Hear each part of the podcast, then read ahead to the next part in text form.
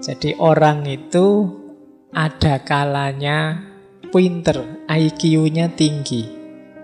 Tapi kalau tanpa kecerdasan emosi dan juga kecerdasan spiritual, dia akan menjelma jadi orang yang kaku, keras, tidak manusiawi. Nah, sehingga banyak orang yang ilmunya justru melahirkan bencana, melahirkan kerusakan-kerusakan di muka bumi.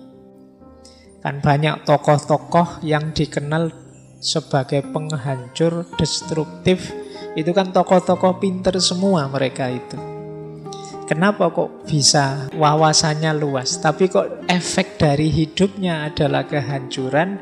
Kemungkinan karena dia tidak bisa mengontrol emosinya juga tidak mampu meraih spiritualitas.